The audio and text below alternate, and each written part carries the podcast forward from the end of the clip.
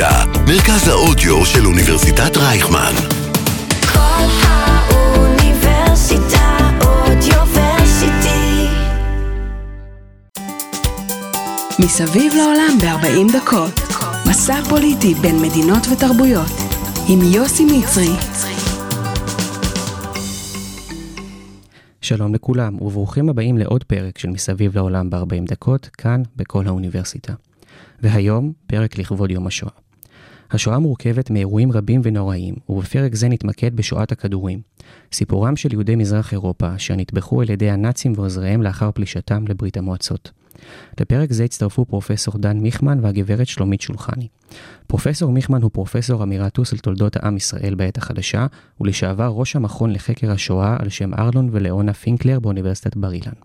כמו כן הוא מכהן כראש המכון הבינלאומי לחקר השואה על שם ג'ון ניימן לחקר השואה ביד ושם. פרסומיו עוסקים בהיבטים מגוונים על השואה עצמה, ייצוגה, השפעתה על ישראל, יהדות העולם והעולם המערבי.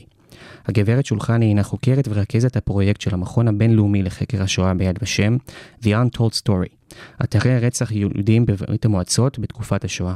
שלום לכם ותודה רבה שהצטרפתם אלינו. אז שלום למאזינים. שלום. אז בעצם אה, מלחמת העולם השנייה פורצת באירופה אה, ב-1 בספטמבר עם פלישתה של גרמניה הנאצית לפולין.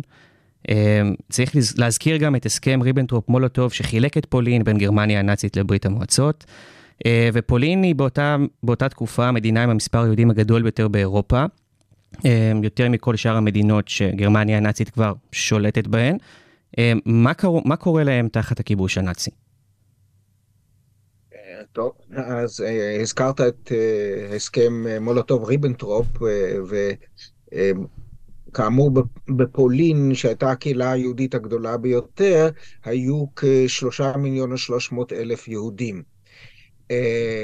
שני, שני מיליון ושלוש מאות אלף יהודים בערך היו בחלק הגרמני, ועד סוף דצמבר 1939, כ-300 אלף מהם ברחו אה, לחלק הרוסי, עד שברית המועצות אה, בעצם עצרה את הזרם הגדול הזה, ומאז יש בערך כשני מיליון יהודים בחלק הפולני, וכמובן אה, היו מיליון בחלק הרוסי ועוד אלה שברחו. הם בחלק הסובייטי, צריך בעצם להגיד יותר טוב,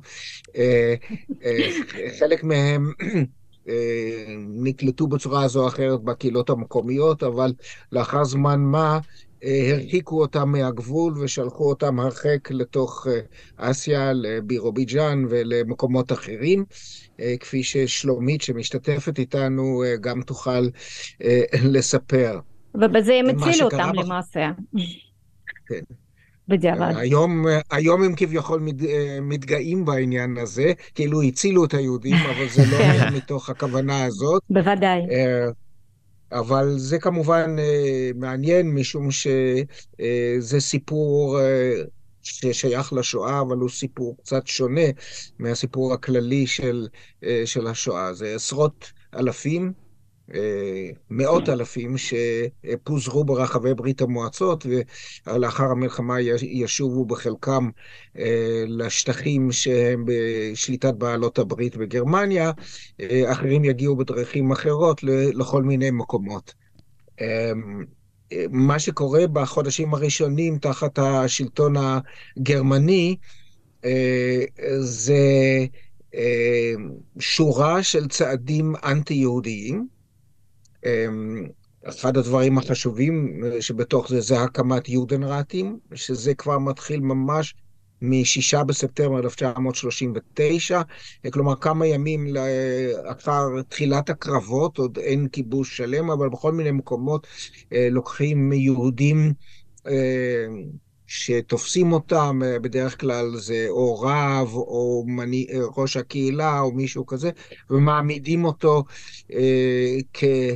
בראש הקהילה כמי שימסור את ההוראות של, של הגרמנים. זה מוכנס לאיזושהי מסגרת בהור- בהוראה של היידריך ב-21 בספטמבר 1939, זה נקרא איגרת הבזק. יש שם פירוט אה, יותר גדול, זה כמובן מסמך שהוכן קודם לכן. אה, הוא חשוב גם משום שבאמצעות המסמך הזה ה-SS ניסה לומר ל... אה, זרועות ממשל אחרים גרמניים שאנחנו שולטים ביהודים. זה לא סיפור כל כך פשוט, כי יש מאבקים, אחרי זה המושל שמתמנה לחלק אה, הגרמני של פולין, לחלק המרכזי של פולין, אה, הגנרל גוברנמן, או המנהל הכללי, כפי שזה נקרא שמו, הנס פרנק, והוא יוציא אחר כך פקודה אחרת להקמת יודנרטים. אז יש פה איזה מאבק אה, כוחות. יש גם אזורים של פולין שסופחו לגרמניה באופן רשמי, אם כי אה, שומרים על אה, איזשהו מעמד מיוחד. שם למשל נמצאת אה, העיר לודג', שיש בה כ... בשלב, בשלב מסוים 160 אלף יהודים, אחר כך יותר, פחות, זה קצת נע, אבל אלה קהילות מאוד מאוד גדולות. מתחיל סימון של היהודים, מתחיל גיוס לעבודות כפייה. ב-1940 יהודים נשלחים למספר מחנות לעבודות כפייה, שקשורים ב... אה, אה, אה, נגיד עבודות לצורכי הלחימה וההגנה, אבל גם לצרכים אחרים. וזה מתפתח בהמשך. יש גם הגטאות הראשונים שמוקמים. הגטו הראשון מוקם במקום שנקרא פיוטרקוב טריבונלסקי. הוא, אה, המקום הזה מוכר לנו משום שהרב של הקהילה הזאת היה אביו של הרב ישראל מאיר לאו, אה, שהיה רב ראשי לישראל, כרגע רב ראשי לתל אביב, וגם אה, ראש מועצת יד ושם. אבל זה המקום הראשון שנקרא גטו, זה צומח מלמטה, זה לא בהנחיה ברורה, אבל זו תופעה שמתפשטת. רוב, רוב הגטאות מוקמים מאביב 1941, אבל זה כמובן תופעה שמתפשטת, היא חופפת בחלקה את היודנרטים, אבל יש הרבה מקומות עם יודנרטים בלי, בלי גטאות. אמ, מה שכן, אה, כמובן, אה, המצב הכלכלי של היהודים מידרדר מאוד, אה, לא נותנים להם את העבודות הקודמות. גם כך, הקהילה היהודית בפולין היו חלקים גדולים בה שהיו עניים. וכמובן, כל המערכות שהיו קיימות קודם לכן מתמוטטות. אז אה, מבחינה זאת בעצם נכנסים לתקופה מאוד מאוד סוערת ובעייתית, ויש לנו לא מעט יומנים שמתארים את, אה, את התקופה הזאת אה, מהצד היהודי, אה, ואחד הדברים החשובים ש, שקורים זה מבחינת האווירה, שלא יודעים מה יקרה. זאת אומרת, העתיד לא ברור, וחוסר הוודאות, יחד עם התנאים הנוראים שמתרחשים, וגם, צריך לומר, רציחות ראשונות אה, שיש כבר בספטמבר 1941, אם כי לא שיטתיות, אה, זה מאפיין את התקופה הראשונה, וזה ככה על קצה המזלג, אבל זה כמובן נושא מאוד מאוד גדול. אז בעצם אנחנו יודעים האם הנאצים אה, פולשים לברית המועצות במטרה גם לבצע רצח עם? אני מתכוון לפולין כרגע. אה, כן, לפול, 39. נכון, לפולין, ונכון. זה בסדר. יש אה, הבדל. יש, זה שנתיים הבדל, ושני, כמעט שנתיים, וזה מאוד מאוד משמעותי. אה, אנחנו יודעים היום אה, שעדיין לא הייתה כוונה מ- ל- לרצח שיטתי של היהודים. אבל פה אתה נכנס לשאלה שהיא נחקרה רבות, והיא אה, לא הייתה ברורה מלכתחילה, אה, משום שבאותו מסמך שהזכרתי קודם, של איגרת הבזק של היידריך מ-21 בספטמבר 39, מופיע שם מושג שנקרא בגרמנית end ציל, המטרה הסופית. והתלבטו מהי המטרה הסופית. אה, מאז, במשך עשרות שנים, באמת היה מחקר אדיר, רחב היקף, אה, עם אה, המון תעודות. אה, רק לתת לך דוגמה, אה, ש... אה, אה, כשב-1900 הקומוניזם בברית המועצות מצאו ארכיון מיוחד, אה, של המסמכים שהסובייטים לקחו מרובעי השליטה שלהם בברלין, הביאו למוסקבה, סגרו את, הארכיון הזה, ואורכו אה, שלושה קילומטר רץ של קלסרים עם תעודות. וזה וואו. רק מה שהסובייטים לקחו מהשטח שלהם בפולין. לפני כן עוד האמריקאים לקחו אה, והחזירו בראשית שנות ה-60 בשש אוניות מחולה, וזאת אומרת כמות התיעוד שנותר אה, אחרי אה, קריסת הרייך השלישי היא עצומה, ובהתחלה לא כל כך אה, ידעו מה קורה, אבל היה מחקר אה, רחב היקף. ובמשך הזמן, אה, בתחילה נוצרו שתי תפיסות שדיברו על כך אה, שהייתה איזושהי כוונה תחילה אה, לרצוח את, את היהודים. זה בעצם חוזר לאיזושהי אמירה של היטלר עוד ממה שנקרא החיבור הפוליטי הראשון שלו ב-1919, שהוא מדבר שם על אה, יש לה- להרחיק באופן מוחלט את היהודים, ואם קופצים משם למה שקורה בשנות ה-40, אז חושבים שבעצם יש איזשהו קו ישיר. עם התפתחות המחקר נוצרה אסכולה אחרת, שדיברה בעצם על דרך מפותלת לפתרון הסופי, לאושוויץ, משום שראו שהיו המון ויכוחים בתוך, ה, אה, בתוך המערכת הנאצית, הבירוקרטית הנאצית. היום אנחנו בעצם אה, מחברים באיזושהי צורה את, אה, את שתי הגישות, לפחות זאת הגישה שלי, אבל היא מקובלת בזרם מרכזי של המחקר. שהייתה איזושהי כוונה כללית להיפטר מהיהודים באופן מוחלט, כי רצו לסדר את העולם מחדש, והיהודים הם נשאים של הרעיון של שוויון בני האדם, ולכן צריך להיפטר מהם. איך לעשות את זה, זאת הייתה הבעיה. ולכן יש איזושהי כוונה כללית אה, לא חד משמעית, והניסוי וטעייה במשך הזמן, אה, הם דרדרו את המהלכים לקראת הפתרון הסופי, אבל עם הפלישה לפולין בספטמבר 1939, התוכנית הזאת עוד לא הייתה קיימת, היא מתגבשת בעצם אחרי הפלישה לברית המועצות, שנתפסת כמלחמת גוג ומגוג. אבל הפלישה לפולין בספטמבר 39 היא כן שלב חשוב בהידרדרות. משום שרעיון קודם שלדחוף את היהודים להגירה בעצם מתבטא לנוכח זה שעם כל כיבוש, וכפי שציינת בהתחלה עם כיבוש פולין, שיש בה הקהילה היהודית הגדולה ביותר, ההגירה נעשית אופציה כמעט בלתי ישימה. יש בשוליים כאן ושם אפשרויות, אבל אם אי אפשר לגרש את היהודים, אז השאלה היא, אם כן, מה לעשות כדי בכל זאת להיפטר מהם, וזה בתוך כשנתיים, אפילו פחות, מידרדר לאפשרות, ואחר כך לגיבוש התוכנית, לחיסול היהודים. אז בעצם עכשיו אנחנו מגיעים לפלישה לברית המועצות, יוני 1941, מבצע ברברוסה. מה, מה עולה בגורל היהודים שנמצאים בשטח ברית המועצות? כי כמו שציינת מקודם, באמת הפלישה הנאצית לברית המועצות היא מלחמת גוג ומגוג. מה, מה, מה קורה שם? שוב, זאת שאלה ענקית. אני אגיד משהו כללי, שלומית תוכל להוסיף כמה פרטים מהשטח, כי היא עסקה הרבה בגטאות ובקהילות שהיו באזורים האלה. כשאנחנו מדברים על פלישה לברית המועצות, צריך לומר, יש ברית המועצות הישנה, של עד אה, ספטמבר 39, ויש האזורים שברית המועצות אה, כבשה אה, מפולין, אה, ויש השליטה שלה בארץ, כמובן בארצות הבלטיות, אה, וה... אה, הגורל לא מתפתח בדיוק באותה צורה אה, בכל המקומות.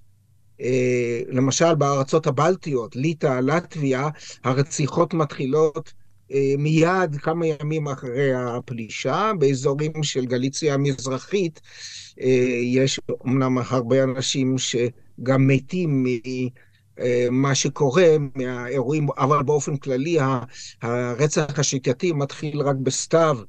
1941. עכשיו, מבחינת היהודים עצמם, אם רוצים, הגרמנים מחפשים את היהודים כמובן, ולא תמיד קל לזהות אותם. וכשנכנסים לשטחים הפנימיים של ברית המועצות, ששם כבר היה שלטון סובייטי במשך כשני עשורים וחצי, אז שם הרבה יותר קשה לזהות את, ה, את היהודים. אבל באזורים שהיו מזרח פולין, זה הרבה יותר ברור, ו... ו כמובן, אחרי פחות משנתיים, השרידים של הקהילות נותרו, ארגונים נותרו, וגם התגובות של היהודים הן אחרות, כי הקהילות עוד לא התפוררו לחלוטין, כמו שבשטחי ברית המועצות הישנים יותר. אבל יש גם כאן ניסוי וטעייה, כמובן לפני הפלישה לברית המועצות, גם הצבא הגרמני וגם היחידות המיוחדות, האיינזצגרופ, הם מקבלים בעצם אישור לעשות מה שהם רוצים. אני לא אכנס כאן לכל הפרטים, אבל לעשות מה שהם רוצים כדי לחסל את האויבים, והם מקבלים את הגיבוי של השלטון. יש ויכוח במחקר מתי בדיוק נתקבלה החלטה עקרונית לצאת למה שאנחנו, מה שנקרא הפתרון הסופי, זאת אומרת הרצח השיטתי, משום שאין הוראה בכתב. פעם, עד 1990 עוד חשבו שאולי ימצאו את זה בארכיונים בברית המועצות, אבל אנחנו יודעים היום שלא הייתה פקודה בכתב. אבל ההנחה של הזרם המרכזי במחקר אומרת ש, שהאור הירוק ניתן על ידי היטלר ב-16 ביולי 1941, במפגש עם בכירי המשטר, שאחר כך מתחילים לראות כל מיני פעולות בשטחי ברית המועצות, והיהודים בשטחי ברית המועצות הם הראשונים ל, ל, לרציחות. יותר מאוחר, לקראת סוף 1941, כאשר כבר נרצחו מעל למיליון, אנחנו לא יודעים בדיוק, בין מיליון למיליון וחצי יהודים, ויש האפשרויות גם בארצות אחרות, התוכנית הזאת תורחב, וההרחבה של התוכנית היא מתגלה מבחינת המסמכים בישיבה שמתקיימת בווילה בוואנזה ב-20 בינואר 1942. נוהגים לקרוא לזה ועידת ואנזה, זו לא הייתה ועידה. יש כאלה שעדיין מייחסים לשם החלטה על הפתרון הסופי, לא הייתה שם החלטה, ההחלטה הייתה כבר קודם, זה מופיע בעצם בתוך המסמך עצמו, זה מוזכר, אם קוראים אותו היטב, אבל יש פה אם כן הידרדרות ויש ניסוי וטעייה ויש הרציחות, שבשונה קצת מהדימוי המקובל של מחנות ההשמדה, אלה רציחות בשטח, בירי, ביריות, גם בעבודות כפייה, כאשר כאן ושם משאירים איים של יהודים בגטאות שמוקמים לצרכים שונים. הרבה גטאות מתקיימים לזמן קצר, יש כמה גטאות שמתקיימים עד לתקופה מאוחרת, אבל שלומית בוודאי יכולה להוסיף כמה דברים על, מה, על התחושה בשטח של היהודים. הייתי רוצה להוסיף, ככה עוד קודם לכן, ציינת ובצדק שהוא אם נגיד מבחינה חיצונית, מבחינת הריכוזיות של היהודים, היה יותר קל לזהות אותם בשטחים, מה שמבחינתנו, כן, בשטחים המערבים, בשטחים שסופחו לברית המועצות מפולין. אז בברית המועצות הוותיקה, בגבולות 1939, אמנם החל מימי המהפכה הבולשביקית כבר לא קיים מושג קהילה, והיהודים מפוזרים מצד אחד. מאידך, החל מאמצע שנות ה-30 התחיל בברית המועצות תהליך פספורטיזציה. כלומר, כל, כל האנשים היו חייבים לשאת דרכון, שבו, מה שנקרא סעיף 5, באותו סעיף היה רשום מהו לאום של אותו בן אדם. לכן מבחינה פורמלית, עם תחילת הכיבוש, זה מאוד מאוד הקל על הכובשים לאתר את אותם היהודים. הייתה בעיה עם בני תערובת הרבים, אנחנו מדברים על עשרות אלפים שחיו באותם השטחים בברית המועצות, כי אה, האדם היה יכול לבחור איזה לאום הוא לוקח, לאום של אם או לאום של אב. כאן הכובשים או משתפי פעולה נעזרו ב... באוכלוסייה מקומית שידעה היטב מי הוא סבא או סבתא של אותו אה, בן למשפחה מעורבת. עכשיו מבחינת הגטאות אכן הם הוקמו כבר באוקטובר 1939 בפיוטרוקוב אה, עכשיו עם הקמת הגטאות שם פרופסור מיכמן כבר ציין, אז עוד לא גובשה התוכנית הסופית אה, לפתרון היהודית כפי שאנחנו יודעים אותו היום. היו כל מיני השערות, הנחות, מה צפוי לנו, מה, מה גורל יביא לנו. עם כיבושה של ברית המועצות התוכנית הזאת למעשה כבר גובשה, וכשהוקמו הגטאות, אני זוכרת שבזמנו כתבתי איזשהו מאמר וקראתי לו גטאות ברית המועצות, תחנת ביניים אל המוות. כלומר, הגטאות, ברוב המקומות הגטאות בכלל לא הוקמו, באותם מקומות שבהם הגטאות בכל זאת הוקמו, מה צפוי ליהודים כבר היה ברור, כלומר אנחנו מרכזים אותם לזמן מה כדי שבסופו של דבר להביא אותם למוות. עכשיו פעמים רבות גטאות הוקמו לא אה, לפני הרציחות אלא במקביל, כלומר חלק מהאוכלוסייה מוחלשת בדרך כלל או ההפך הגברים, הכוח הפוטנציאלי להתנגדות אותם היו רוצחים ואת שאר האוכלוסייה היו מכניסים לתוך הגטאות כלומר הקמת הגטאות פעמים רבות לוותה ברצח uh, שהתרחש מול העיניים של הנותרים בחיים וכמובן התחושות היו קשות ביותר. עכשיו עוד דבר עדיין uh, במיוחד בשלבים הראשונים הציבור היהודי לא היה יכול לנחש מה, מה הגורל שמצפה להם בסופו של דבר.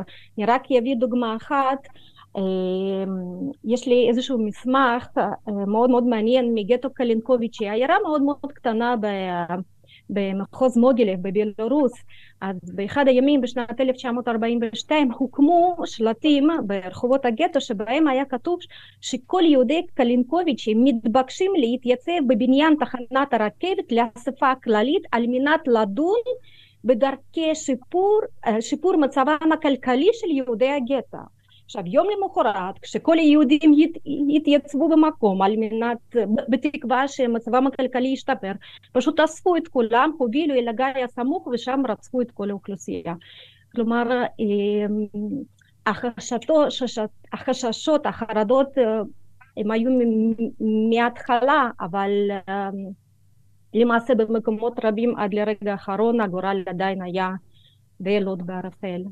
וואו. אמ, אז בעצם מי שהובילו את מסע הרצח ההמוני הזה של היהודים בשטחי ברית המועצות, אמ, אלו האיינזץ גרופן של האס-אס, אמ, אבל גם יחידות עזר, היום מעורב במספר מקומות. מי הם, מה תפקידם, האם תפקידם הבלעדי הוא רק לבצע את הרג, לרצוח את היהודים, או שהיה להם עוד איזשהו סיוע אה, במהלך המלחמה? איינזץ גרופן זה תופעה מאוד מעניינת, זה בעצם יחידות אד הוק שהוקמו אה, לצורך אה, נטרול אויבים פוליטיים, יריבים פוליטיים. והאיינזצגרופן הראשונים שהוקמו למשל זה עוד עם סיפוח אוסטריה במרץ 1938 ואחר כך יש לנו חמישה איינזצגרופן עם הפלישה לפולין ומה שקורה בכל פעם, אה, הם הוקמו, זה צירוף של אנשים אה, מה-SD, זאת אומרת שירות הביטחון של ה-SS, מהגסטאפו ועוד, זה צירוף אד הוק לצרכים הספציפיים לרגע מסוים, ואחרי כמה שבועות או כמה חודשים, האנשים הללו ברובם משתלבים במנהל החדש שמוקם אה, במקום. לקראת הפלישה לברית המועצות הוקמו גם ארבעה איינזאץ גרופן אה, מיוחדים לחיסול אה, אויבים פוליטיים, לא רק היהודים, אבל בעיקר היהודים. ובסך הכל אנחנו מדברים על כשלושת אלפים אנשים שהיו ביחידות האלה, והם היו פרוסים ליטא, לטביה, אסטוניה, זאת אומרת, הארצות הבלטיות, עד לים השחור. אז ברור ששלושת אלפים איש לא אה, רצחו את כולם, ואנחנו, אה, גם כאן המספרים הם לא חד, משמעי, חד משמעיים, אבל זה קרוב למיליון וחצי אה, שנרצחו, וזה נעשה בעזרת מקומיים. זה נעשה גם על ידי הצבא, ויש לנו עדויות למשל שיחידות תובלה של הצבא, אה, היו שם אנשים, וכשראו יהודים עובדים בעבודות כפייה בצד הדרך, ירו בהם והרגו אותם.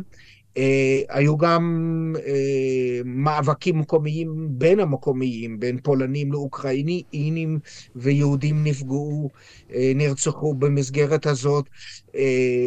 זה לא רק על ידי הגרמנים, אבל כמובן בתוך האווירה שהגרמנים אה, יצרו.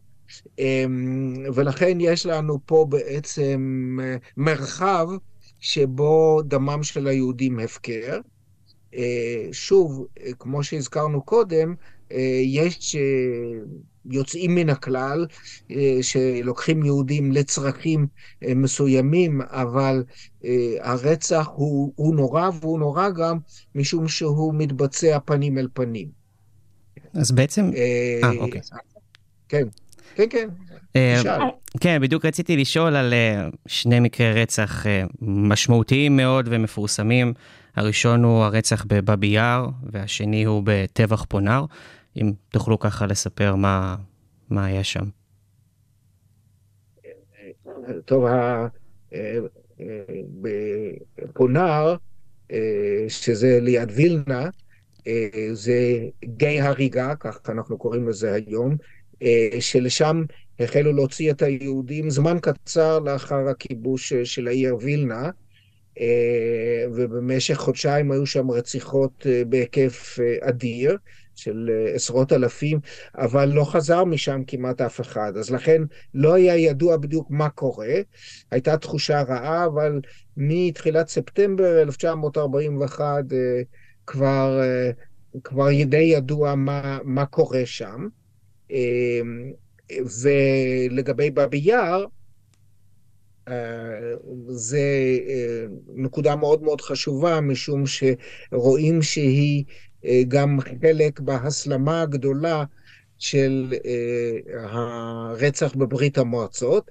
אה, זה בסוף ספטמבר 1941, 29 בספטמבר, מבחינת היהודים, לוח השנה היהודי, זה ערב, ערב יום הכיפורים.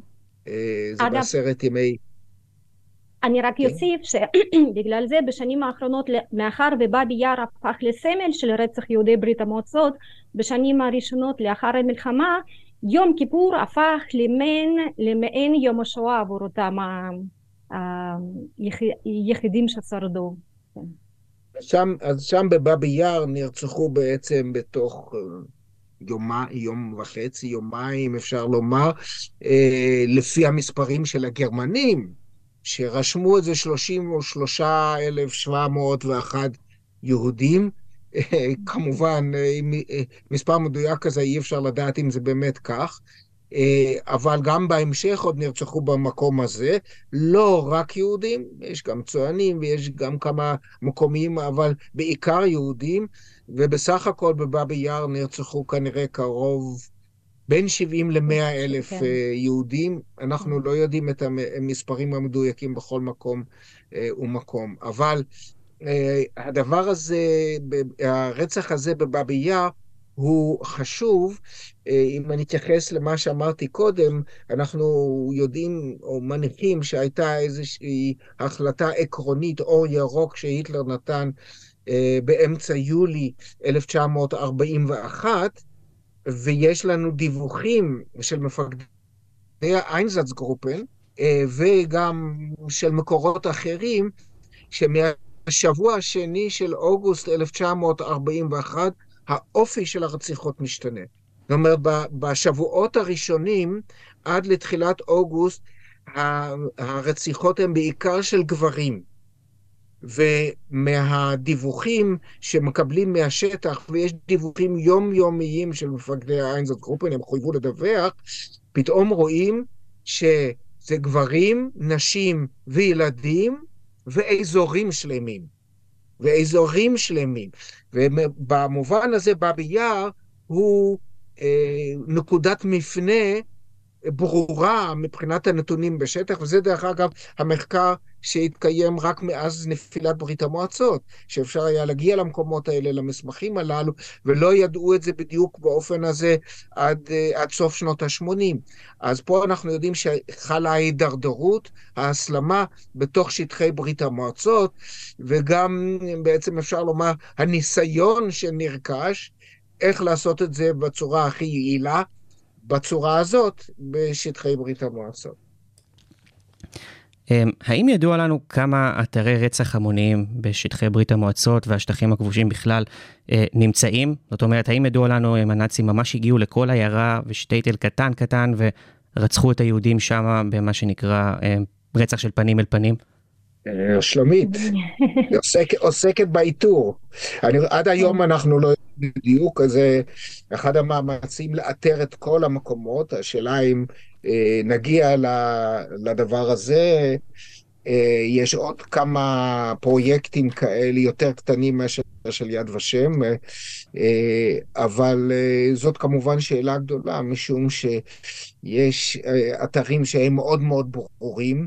אה, שלגביהם יש מידע גם מהצד הגרמני, גם מהצד היהודי. אבל כיוון שזה היה תהליך של התפשטות של הרצח, ואמרתי שאנחנו יודעים על כל מיני מקרים שבאופן אקראי אה, רצחו יהודים בכל מיני מקומות, אה, אנחנו לא בטוחים שנגיע לכל המקומות, אבל זה המאמץ לפחות. בהחלט, אנחנו, אבל יוסי אתה צודק בכך שלמעשה אתה יכול לבנות. זה די קל אם אפשר להגיד לבנות בכללי מפת אתרי רצח, אה, לא ברמה של רזולוציה של כמה מטרים, אבל למעשה כל עיר או עיירה שבהם חיו יהודים אה, בזמן הכיבוש, אה, בסביבתה או בתוכה יש, ברוב המכריע יש, יש אתרי רצח המונים. הפרויקט הככה מאוד מאוד מקיף שהתחלנו אותו לפני למעלה מעשור, אנחנו עד היום אנחנו בדקנו, חקרנו והעלינו לאתר האינטרנט של יד ושם של הפרויקט שלנו אלפיים אתרי רצח מאלף ומאה ערים ועיירות שבשטחי ברית המועצות. עכשיו ההנחה, ההערכה שלנו שמדובר ב-2,700 עד 3,000 אתרי רצח. עכשיו, גם באותם המקומות שכביכול נחקרו היטב וידוע לנו על כך שהיה שם אתר רצח כמו באבי יאר שאותו הזכרנו, עליו דיברנו קודם, אנחנו ככה די נדהמנו לגלות שבעיר קייב שבו נמצא אתר רצח באבי יאר, יש עוד מספר אתרי רצח, כלומר גם המקומות שנחקרו היטב אנחנו מגלים עוד מקומות. או לפני שלוש ארבע שנים פתאום פתאום גילינו אתר רצח שהוא למעשה זה, זה, זה, זה בית הילדים שבו הייתה ככה קבוצה נפרדת של הילדים היהודים. עכשיו הילד היחידי ששרד את אותו הרצח הנורא של כל הילדים היהודים באפריל 1942 זה גם מחוז, זה גם uh, בבלרוס. עכשיו הוא זה שלאחר המלחמה כבר בשנות ה-80 העיד וסיפר עליו עכשיו זה, זה, זה, זה מדהים, אין על זה שום תיעוד גרמני, שום תיעוד סובייטי, יש לנו ניצול אחד שהוא זה שבא וסיפר את הסיפור. עכשיו באמת המטרה שלנו להגיע, לכן השם הפרויקט שלנו The Untold Story, הסיפור שלא סופר. אנחנו לצד המקומות הגדולים הידועים שהפכו לסמל של שואת יהודי ברית המועצות, אנחנו מתרכזים גם במקומות קטנים ופחות ידועים. אז האם תוכלי קצת לספר לנו על הפרויקט עצמו, זאת אומרת, איך הוא מתנהל, האם אנחנו מצליחים לגלות אה, דברים חדשים, לדוגמה על מספר הנרצחים, אה, האנשים שביצעו את הפשעים האלה, מספר המקומות רצח, אה, איך בעצם הפרויקט הזה מתנהל, מה הוא חוקר? תראה, אנחנו, צוות של אנשי מחקר שלמעשה המטרה שלנו כפי שכבר ציינתי להגיע לכל אותם המקומות שבהם נרצחו היהודים בתקופת השואה בגבולות ברית המועצות 1941 מה שנקרא ברית המועצות הרבתי. עכשיו מה שאנחנו עושים אנחנו מגיעים לכל מקום ומקום ככה לא פיזית, אם כי יש לנו גם אנשי שטח שעובדים באוקראינה וגם בבלרוס. אנחנו אוספים את כל אותם המסמכים שקשורים לאתר רצח, מז'אנרים, מסוגות שונות, משפות שונות, ששייכים לכובשים, למשתפי פעולה, ליהודים. אנחנו אוספים את כולם ביחד ומנסים לבנות איזושהי תמונה כמה שיותר מדויקת ונוגעת ללב אנחנו מקווים ולהנגיש אותה, להעלות אותה לאתר האינטרנט בצירוף של אותם המסמכים שהם מצד אחד מאמתים את, את מה שאנחנו כתבנו, מצד שני נותנים מקום לכולם של הניצולים ושל הנספים. כפי שאמרתי כבר, אנחנו העלינו נכון להיום אלפיים אתרי רצח, כי ישנם מקומות שבהם יש יותר מאתר רצח אחד, למשל עיר ככה ידועה במסורת יהודית כמו ברדיצ'ב. אז בברדיצ'ב, שערב המלחמה התגוררו שם כ-25 אלף יהודים, יש לנו שישה אתרי רצח. יש לנו מקומות קטנים, קולוניות קטנות, קולחוזים קטנים, שבהם יש רק אתר רצח אחד. אז אנחנו בהחלט מנסים להגיע לכל אותם המקומות. ואתה יודע, אנחנו צוות סך הכל לא גדול, וברגע שיש לנו איזושהי הצלבה, איזשהו מאצ'ינג של של המסמכים מתקופות שונות, אז uh, בהחלט זה גורם לאיזושהי התרגשות מאוד מאוד גדולה. Um, אולי אני ככה, על מנת לסבר את האוזן, אני אביא רק דוגמה אחת, למשל עיר נמל בשם מריופול, עיר גדולה שככה עד לא, לא מזמן הייתה בכותרות בגלל המלחמה באוקראינה. אז יש לנו עדות של ניצולת שואה, אותה עדות מוקלטת ממה שנקרא ארכיון ספילברג, אותה עדות שהוקלטה בשנות התשעים של אישה בשם יקטרינה חרזן. היא מספרת איך באוקטובר 1941 אספו את כל האוכלוסייה היהודית, הביאו אותם לתחנה חקלאית, מה שנקרא ברוסית אגרובאזה, בתוך שלושה ימים רצחו את כל האוכלוסייה היהודית. עכשיו את אלה שלא הספיקו לרצוח ביום אחד, בתוכם הייתה אותה יקטרינה הצעירה, זו הייתה בת 17, הכניסו אותם אל תוך האסם הגדול, סגרו את הדלת והשאירו אותם לכל הלילה.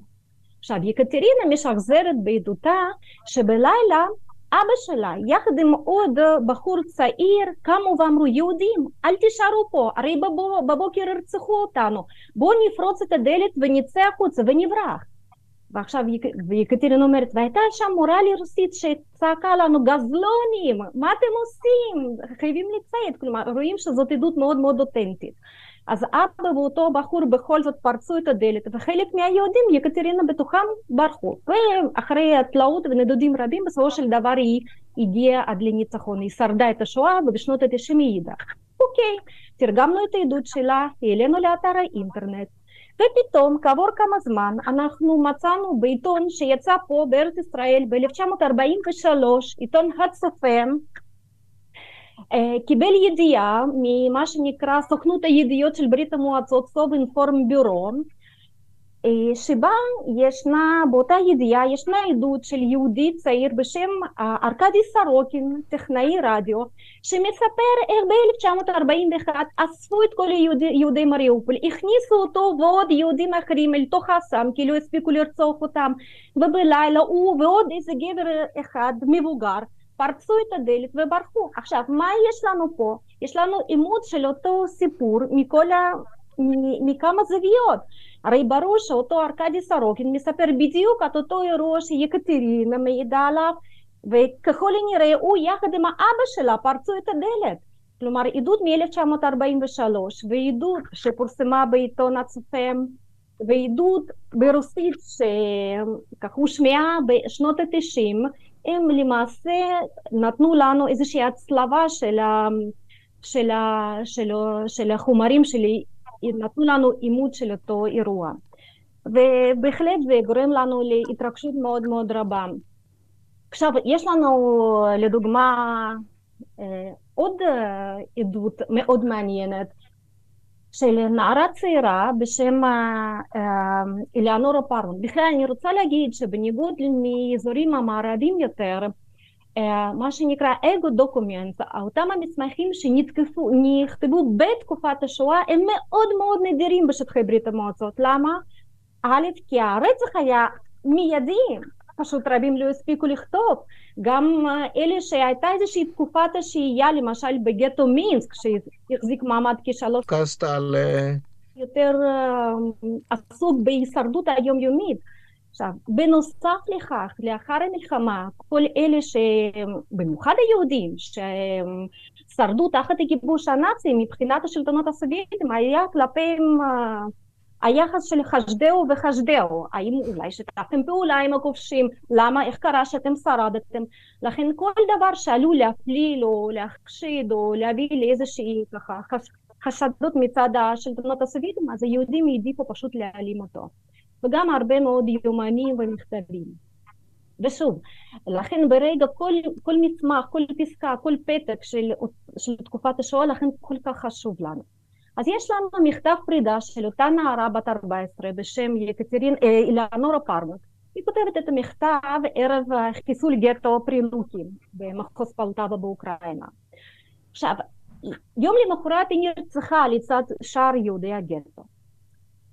אוקיי, יש לנו את המכתב הזה, במקרה טיפלתי בתיק הזה, תרגמתי את המכתב מרוסית לאנגלית, העלינו לאתר האינטרנט, אבל כל הזמן הציקה ולא לא נתנה לי מנוח מחשבה איך המכתב הזה שרד, איך הוא הגיע למשפחה, הרי אותה נערה נספתה, מי, מי, מי לקח את המכתב ומי הביא למשפחה.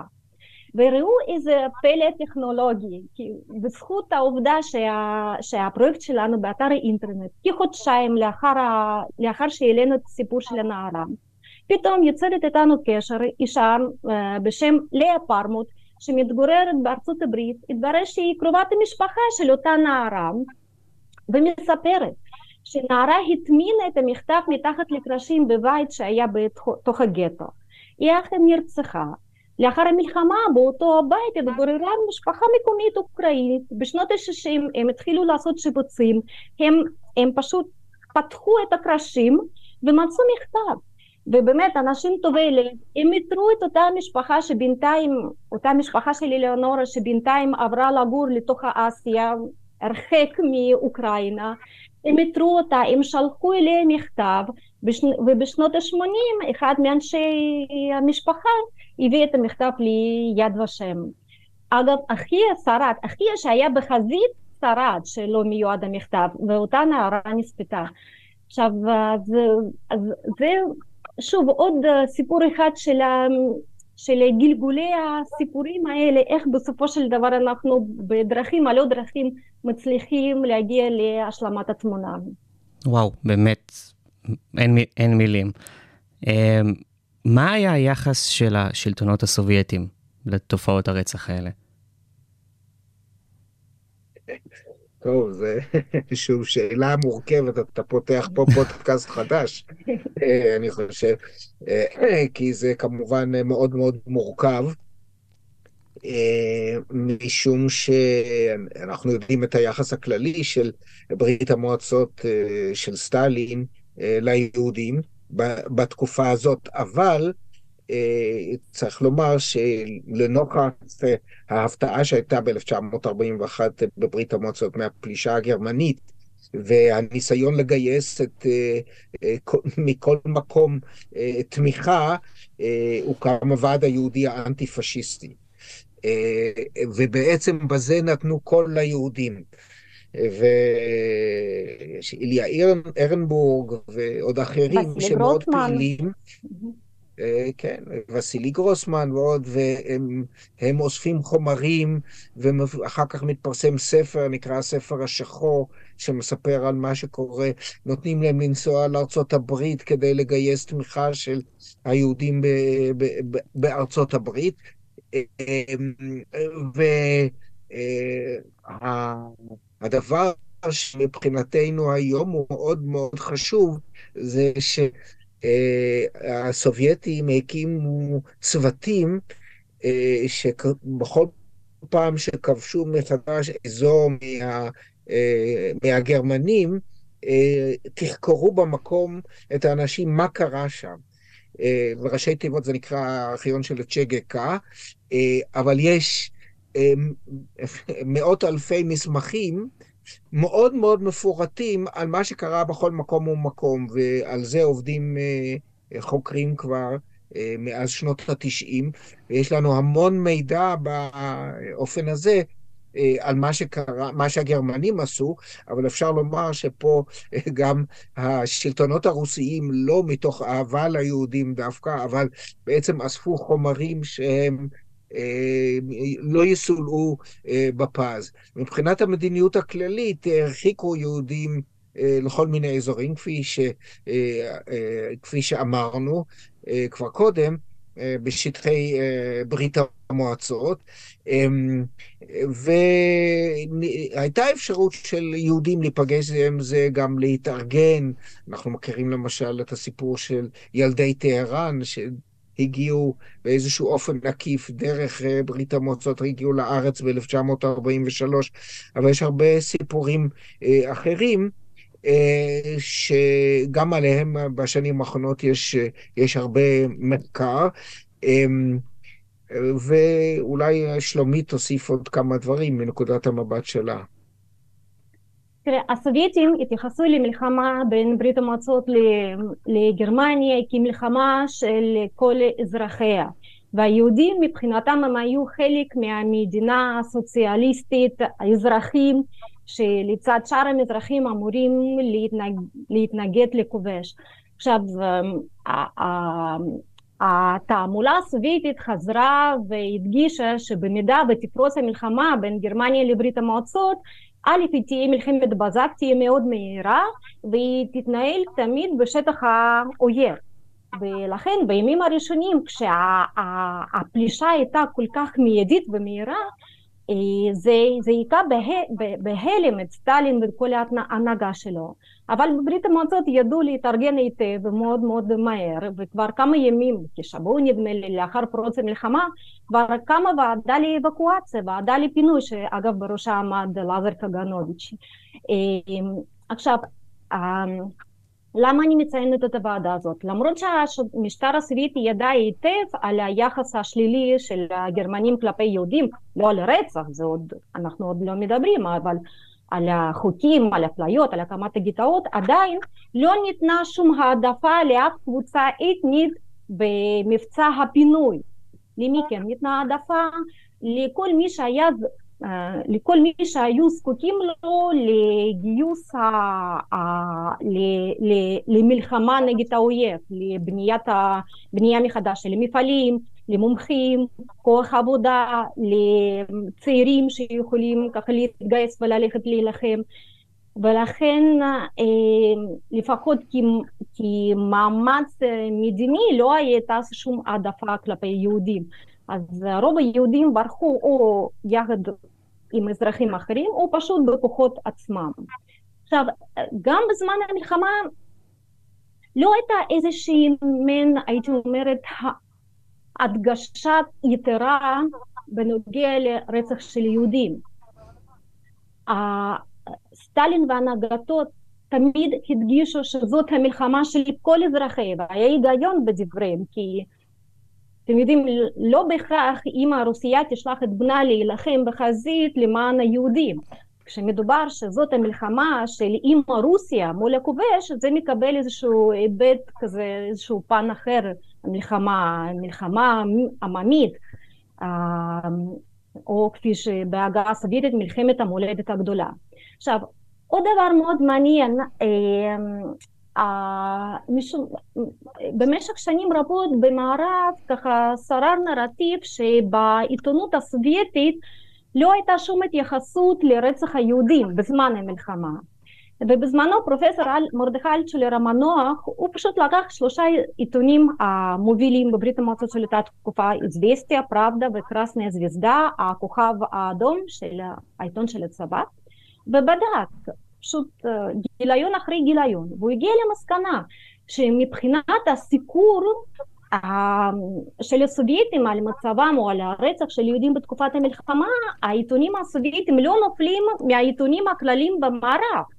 אממה, אלא שבמערב יש גם עיתונים יהודים שבהם הייתה הדגשה יתרה לרצח היהודים באותה תקופה, או בארצות הברית או בקנדה, במקומות אחרים. בברית המועצות היה רק עיתון אחד שיצא בין 6,000 ל-10,000 עותקים, העיתון היהודי, וכמובן זה טיפה בים. אבל בכל זאת כן הייתה התייחסות. אלא שגם במסמכים ה... במסמכים שפרופסור מיכמן הזכיר אותם, שבאמת אני לא מבינה איך אפשר לחקור את הנושא מבלי המסמכים הרשמיים האלה של הוועדה הממלכתית לחקר פשעי נאצים, גם במסמכים האלה היהודים, הרבה פעמים כתוב האזרח, האזרחים הסובייטים מהמוצא יהודים או האזרחים הסובייטים מהלאום היהודי כלומר הרבה פעמים ישנה הדגשה שאומנם הם לאום יהודי אבל הם שייכים